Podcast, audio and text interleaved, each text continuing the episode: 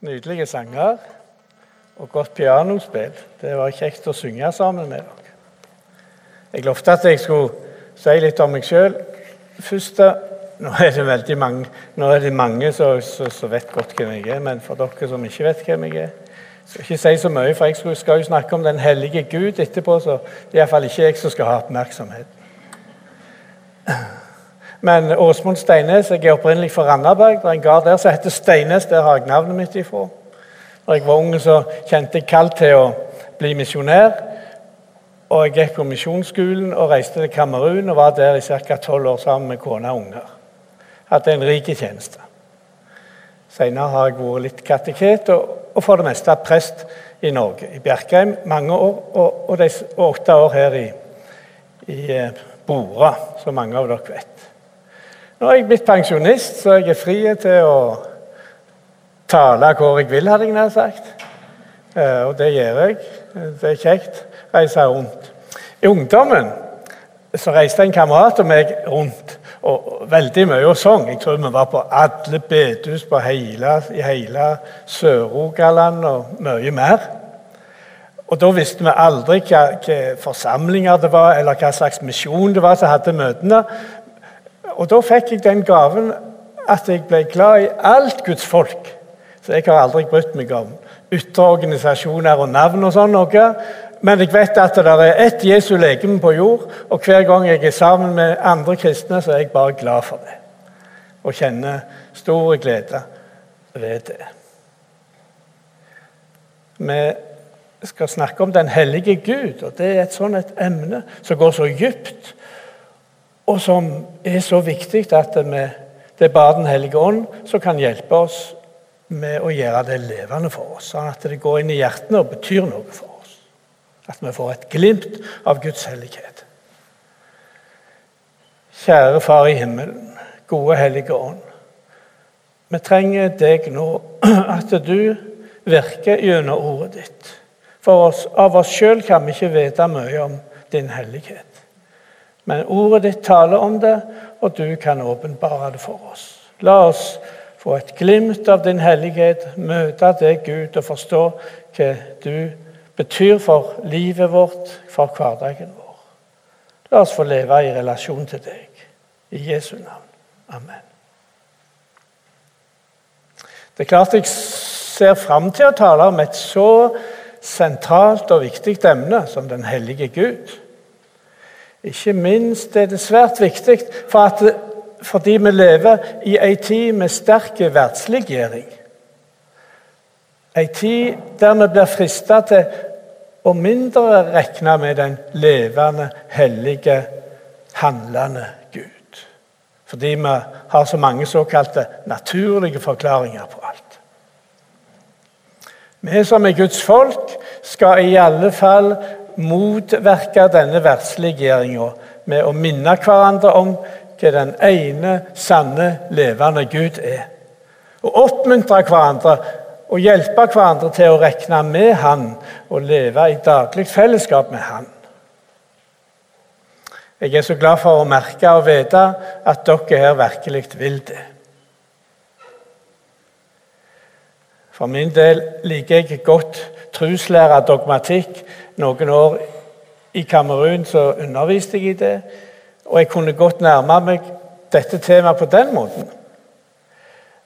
Men jeg fikk lyst denne gangen til heller å gå til rota i Bibelen om hva det betyr at Gud er hellig, og hva det har å si for oss. Så jeg slo opp i ei stor, gammel sånn ordbok, gammeltestamentlig hebraisk som jeg har, og så på ordet for hellig. Det heter kadosh på hebraisk. Og så på alle de forskjellige betydningene som det har i de forskjellige sammenhenger. Det er interessant. Da går du virkelig til rota i Bibelen til dette, om dette. Eh, derfor vil denne talen bestå mest av å sitere fra Bibelen. Jeg vil ikke håpe dere opplever det som trøttende. Tror dere greier godt det og er innstilte på det. Jeg må gjøre det helst lese bare fra Bibelen. For jeg av meg sjøl kan ikke vite mye om den hellige Gud. Jeg må tilegne meg det som han sjøl har åpenbart om seg. Og det har vi i, i Bibelen.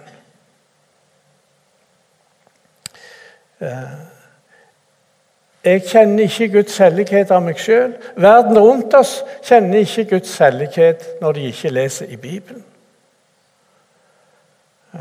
Kjenner du den hellige Gud? Lever du i relasjon med den hellige Gud? Grunnbetydningen av ordet 'hellig' er det som er rent, det som er fullkomment, som det er ingen feil eller lyte ved. Og når det gjelder ting og personer, det som er Gud verdig, det som er i samsvar med Guds vesen Av og til blir det sagt det som er utskilt fra verden og innviet til Gud. Men alle plassene det står om hellige ting i Bibelen, som det står veldig mye om, i forbindelse med offerordninger og alt sånt noe, det tar jeg ikke med her. Vi er heldigvis frie fra offerordninger og ordninger om renselse av kar og alt mulig sånn, så det står mye om. Heldigvis. Om Gud kan vi si at når han er hellig, så er han fullkommen i alle sine egenskaper. Tenk han som er allmektige, rettferdige, allvitende kjærlige, miskunnsomme, nærværende. Han er fullkommen i alle disse egenskapene, ja, i enda flere egenskaper. Et svært talende og tydelig tidlig vitnesbyrd om at Gud er hellig, finner vi i 2. Mosebok 3, 5-6, når Gud viser seg for Moses i den brennende tornebusken. Og Gud sa, 'Kom ikke nærere. Ta skoene av føttene, for staden du står på, er heilag grunn.' Så sa han, 'Jeg er din fars Gud, Abrahams Gud, Isaks Gud og Jakobs Gud.'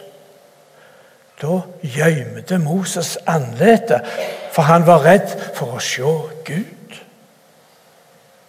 Moses kjente seg tiltrukket av Gud når han så han i den brennende tornebusken, så han nærma seg han. Samtidig kjente han på en stor, stor respekt for han. Gudsfrykt i god forstand. Tredje Mosebok 19,2 helligdomsregler for israelittene.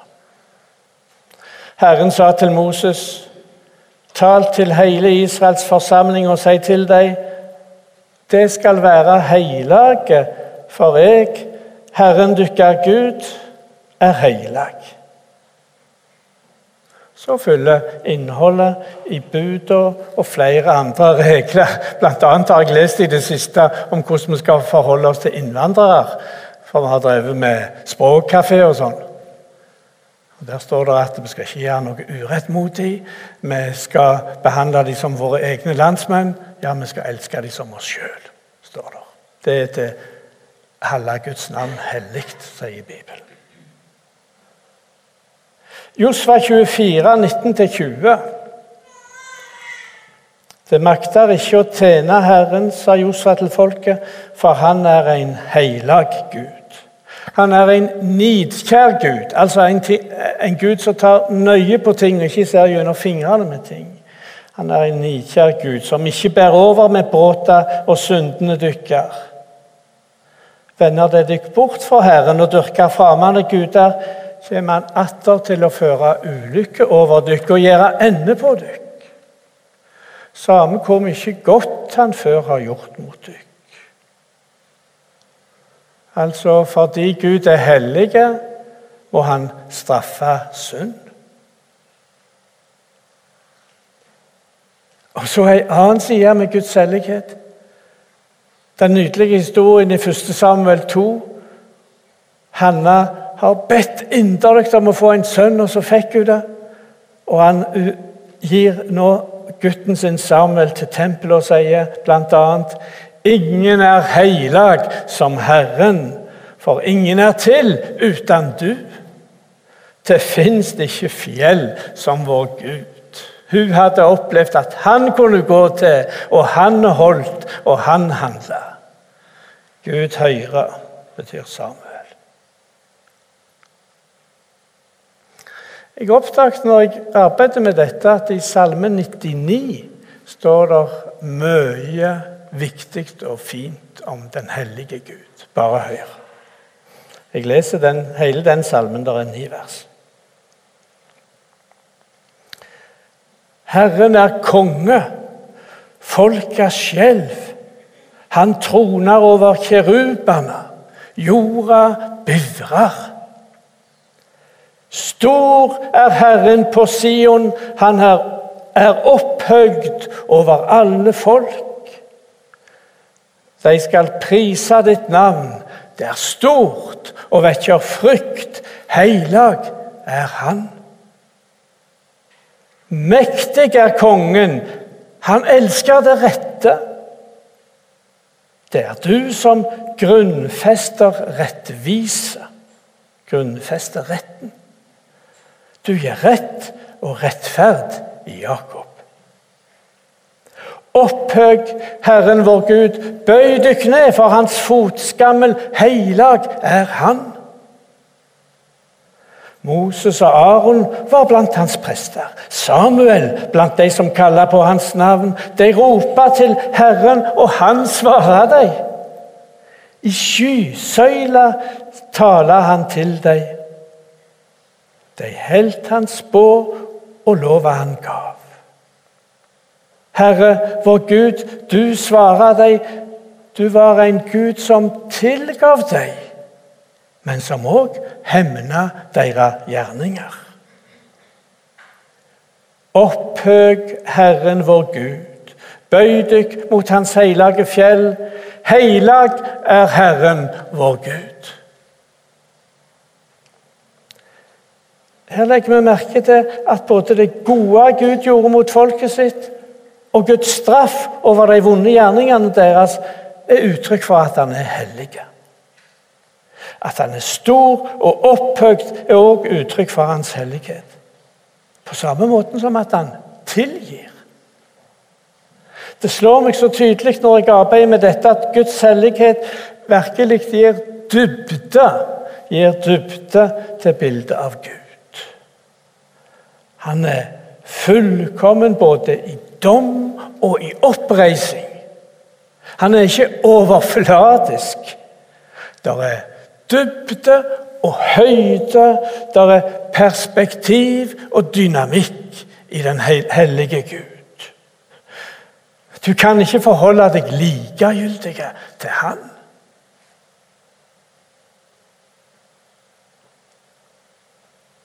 Jesaja 5 15-16. Vedrop over de mektige og rike. Og mennesket er bøygd, hver mann er fornedra. De stolte må slå øynene ned. Men Herren over herskarene er opphøgd i dommen. Den hellige Gud viser seg heilag ved rettferd. Når Gud dømmer i sin vrede, opptrer han ikke som en uberegnelig, sint, gammel mann som en ikke kan stole på, og som menneskene kan manipulere, sånn som en tenker en kan manipulere avgudene. Nei, Herren Gud dømmer rettferdig, ikke tilfeldig og uten å gjøre forskjell. Han viser seg hellige, fullkommen, fullkommen med rettferd, rettferdighet. La oss òg ta med oss 3. Mosebok 22, 31-32. Så hold da båa mine og lev etter deg. Jeg er Herren. Vanhelga ikke mitt hellige navn, for jeg skal holdes heilag mellom israelittene. Jeg er Herren som helger dykk. Det var jeg som førte deg ut fra Egypt og vil være dykker Gud. Jeg er Herren. Her ser vi to ting. At vi mennesker gjør Guds navn hellig eller vanhellig ved at vi holder budet hans eller ikke. Og at Gud sjøl helliger navnet sitt.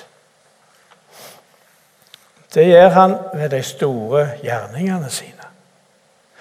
Når vi hver gang ber Herrens bønn, la navnet ditt helgast, så er det dette vi ber om. At Gud sjøl skal gjøre navnet sitt hellig ved å gjennomføre sine verk, sin frelsesgjerning særlig på jorda, til verdens ender. Og at vi skal gjøre Hans navn hellig ved alle Hans bud.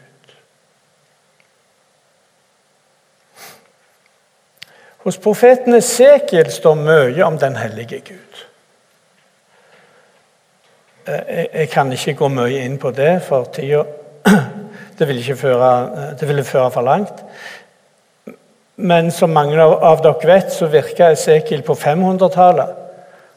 Ca. 592-570. Det meste av den tida faller sammen med da israelsfolket var i eksil i Babylon. Og han profeterte mye om dom over folkeslagene rundt, og at israelsfolket skulle få vende tilbake til landet sitt, noe som da skjedde i år 538 før Kristus. Men la oss ta med Esekiel 20, 40. For, for på mitt hellige fjell, på det høyeste fjellet i Israel, skal hele Israels hus tjene meg. Alle som er i landet, sier Herren, der skal jeg vise deg godvilje. Gjennom dykk viser jeg meg heilag framfor øynene på folkeslaget. Gud viser altså at han er hellig med å vise godvilje, nåde, mot folket sitt. Så de som er rundt, ser at å, deres Gud er virkelig en levende Gud. Flere vers om at Gud viser seg hellig ved å holde dom, kunne vi også lese fra profeten Esekiel, men det har vi alt vært inne på. Men jeg har lyst til å ta med fra profeten Esekiel noen vers fra kapittel 36, vers 26-27. Litt fordi det snart er pinse, og fordi det leder oss inn i den nye pakt. Jeg gjev dykk et nytt hjerte og en ny ånd gjev jeg inn i dykk. Jeg tek steinhjertet ut av kroppen på dykk og gjev dykk et kjøthjerte i stedet.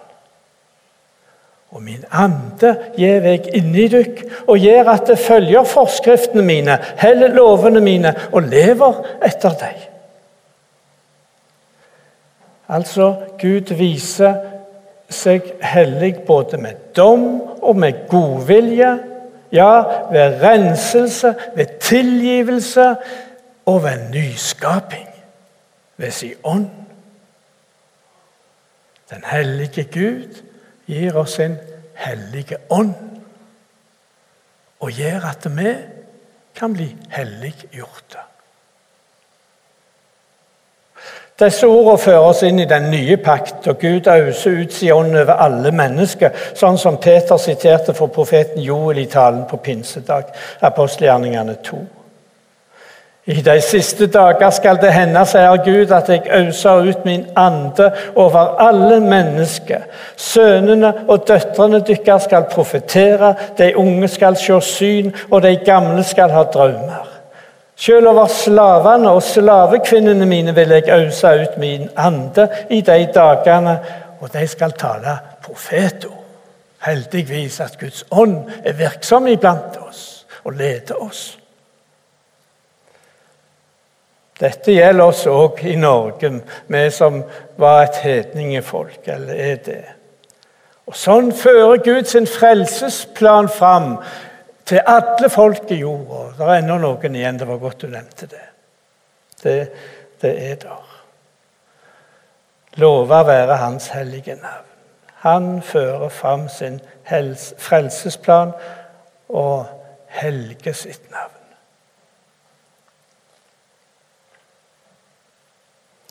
I forlenginga av at Gud er hellig, taler Bibelen òg om at Gud blir erkjent og behandla av oss som hellige. Jeg har sagt at vi helliger Hans navn med å holde Hans bud, gjøre Hans vilje. Når jeg arbeidet med dette, la jeg merke til en, en, hendelse som jeg ikke hadde lagt vekt på før, men som er nevnt flere plasser i Bibelen. Og den talte sterkt til meg personlig. I 2. Mosebok 17 står det om når folket mangla vann i ørkenen og gjorde opprør og tretta med Moses. Og det står i vers 17, altså 2. Mosebok 17, 17. Han kaller staden Massa og Meriba. Meriba betyr trette. For der tretta israelittene, og der satte de Herren på prøve da de sa Er Herren iblant oss eller ikke? Og Det ble begrunnelsen for at Moses og Aron ikke fikk være med inn i det lova landet. Det slo meg når jeg leste dette. For jeg har vel ofte sagt 'Hvor er Gud henne?' Noen av dere kjenner litt til hvorfor jeg sier det. Vi ber og ber og får ikke svar. Hvor er Gud henne? Er Herren iblant oss eller ikke? Og Jeg tror nok at vi har, har, lov til å klage og rope ut. Men jeg tror òg at vi skal komme et steg videre. Vi skal helge Guds navn med i alle forhold og sette vår lit til den levende, hellige, allmektige Gud, selv når han synes taus og livet er vanskelig. Ja, når alt kommer til alt, så er det egentlig frigjørende å en gang slutte å klage. Og så på nytt legge seg helt over i den allmektige, hellige Guds armer. Selv om vi ikke forstår noe. For han er stor og mektig og fullkommen. Vi heller Gud hellige når vi regner med Han i livet, i hverdagen, i alle forhold.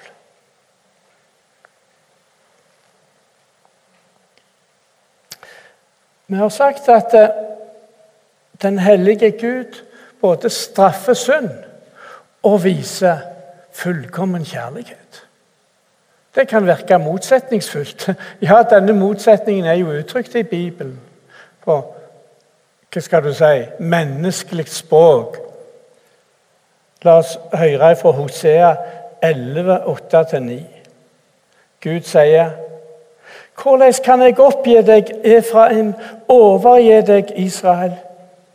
Hvordan kan jeg oppgi deg som Adma, gjøre med deg som Sebojim?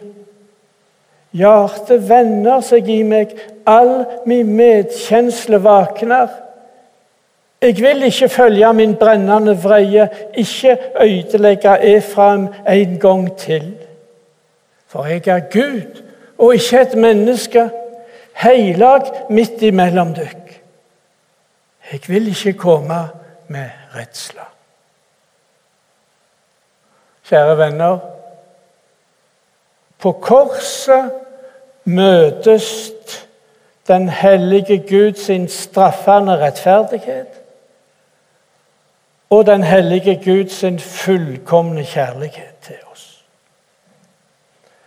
Han måtte straffe synda men måtte i sin kjærlighet til oss finne en annen løsning enn å straffe oss. Derfor tok han straffa på seg ved Jesus Kristus. Og det ga oss fred. Det gjorde at vi kunne kalle Gud vår far. Det får herlige følger. Efeserne 1,4 i Kristus valgte han oss ut før verden ble grunnlagt, til å stå for hans andlet, hellige og uten feil. Tenk at de ordene som ble brukt om den allmektige, opphøgde, rene Nå blir brukt om deg og meg. At vi er hellige og rene og uten feil. Det er utrolig. Men sånn er det i Jesus Kristus. Vi kunne lese og si mye mer om at Gud er hellig, òg for Det nye testamentet. Det har vi ikke anledning til, men la meg bare ta med et, et avsnitt. 1. Peter 1, 13-16. Spenn da beltet om livet, vær vakne og budde i tanke og sinn. Sett håpet fullt og fast til den nåden det skal få når Jesus Kristus åpenbarer seg. Som lydige barn skal det ikke lenger følge de lystne det levde etter den tid det var uvitende.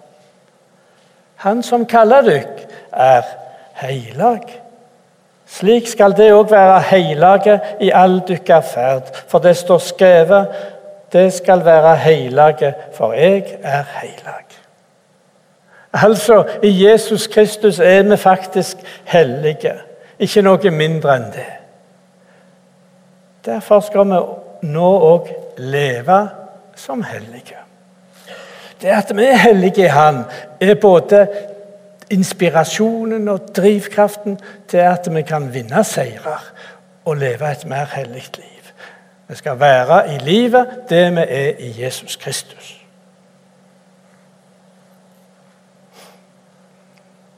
Til slutt hvordan er det med deg?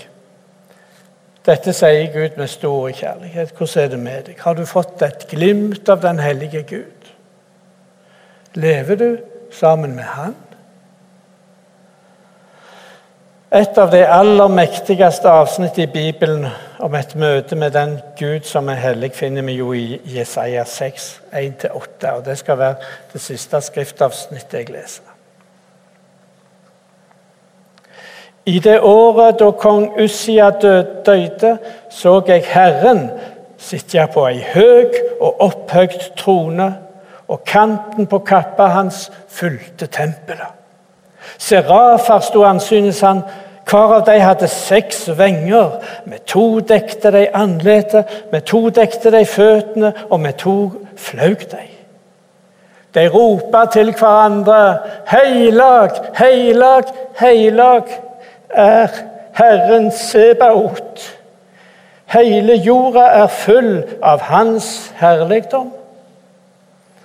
Røysta som ropa, fikk boltene i dørtersklene til å riste, og huset ble fylt av røyk. Da sa jeg, ved meg, der ute med meg. For jeg er en mann med ureine lepper og bor i et folk med ureine lepper. Og øynene mine har sett kongen Herren over hærskarene. Da fløy en av serafene bort til meg. I handa hadde han ei glo som han hadde tatt med ei tong fra alteret. Med den rørte han ved munnen min og sa, Sjå, denne har rørt ved leppene dine. De skyld er borte, de synd er sona. Da hørte jeg Herrens røyst. Han sa, 'Hvem skal jeg sende, og hvem vil gå for oss?' Jeg sa, 'Jeg. Send meg.' Kjære venner, å leve i denne relasjonen til den levende, allmektige, dømmende og tilgivende Gud er det det handler om. Rett og slett å regne med den hellige Gud i livet i hverdagen. Der er det godt og rett og rikt å være. Og gjør vi det, da går Guds rike fram. Da bruker han oss. Så enkelt er det egentlig. Det som ødelegger for oss venner, det er jo sekulariseringa. At vi mindre regner med den levende Gud, reduserer han, setter han bort i et hjørne og setter mennesket på æreplassen. eller gjøre Gud til et redskap for våre egne prosjekter, som er moderne i vår tid. Men hør, jeg er sikker på at sekulariseringa kommer vel så mye innenfra fra oss sjøl som kommer fra farer som truer utenfra. Det er den ikke-praktiserte trua som gjør at verdsliggjøringa brer om seg. Bønnene jeg ikke ber, bibeltekstene jeg ikke leser, gudstjenestene jeg ikke deltar i, møtene og gruppene jeg ikke deltar i, de gode gjerningene overfor nesten jeg ikke gjør, osv., osv. Og her har, Når jeg snakker om dette, så peker jeg mest på meg sjøl. Her har vi virkelig en daglig kamp. Derfor er vår bønn i dag, gode hellige ånd, åpenbar i dag og i denne pinsehøgtida, den hellige Gud for oss på ny, og la oss leve i en sann relasjon til Han i livet i hverdagen. Må Gud velsigne dere alle til det. Amen.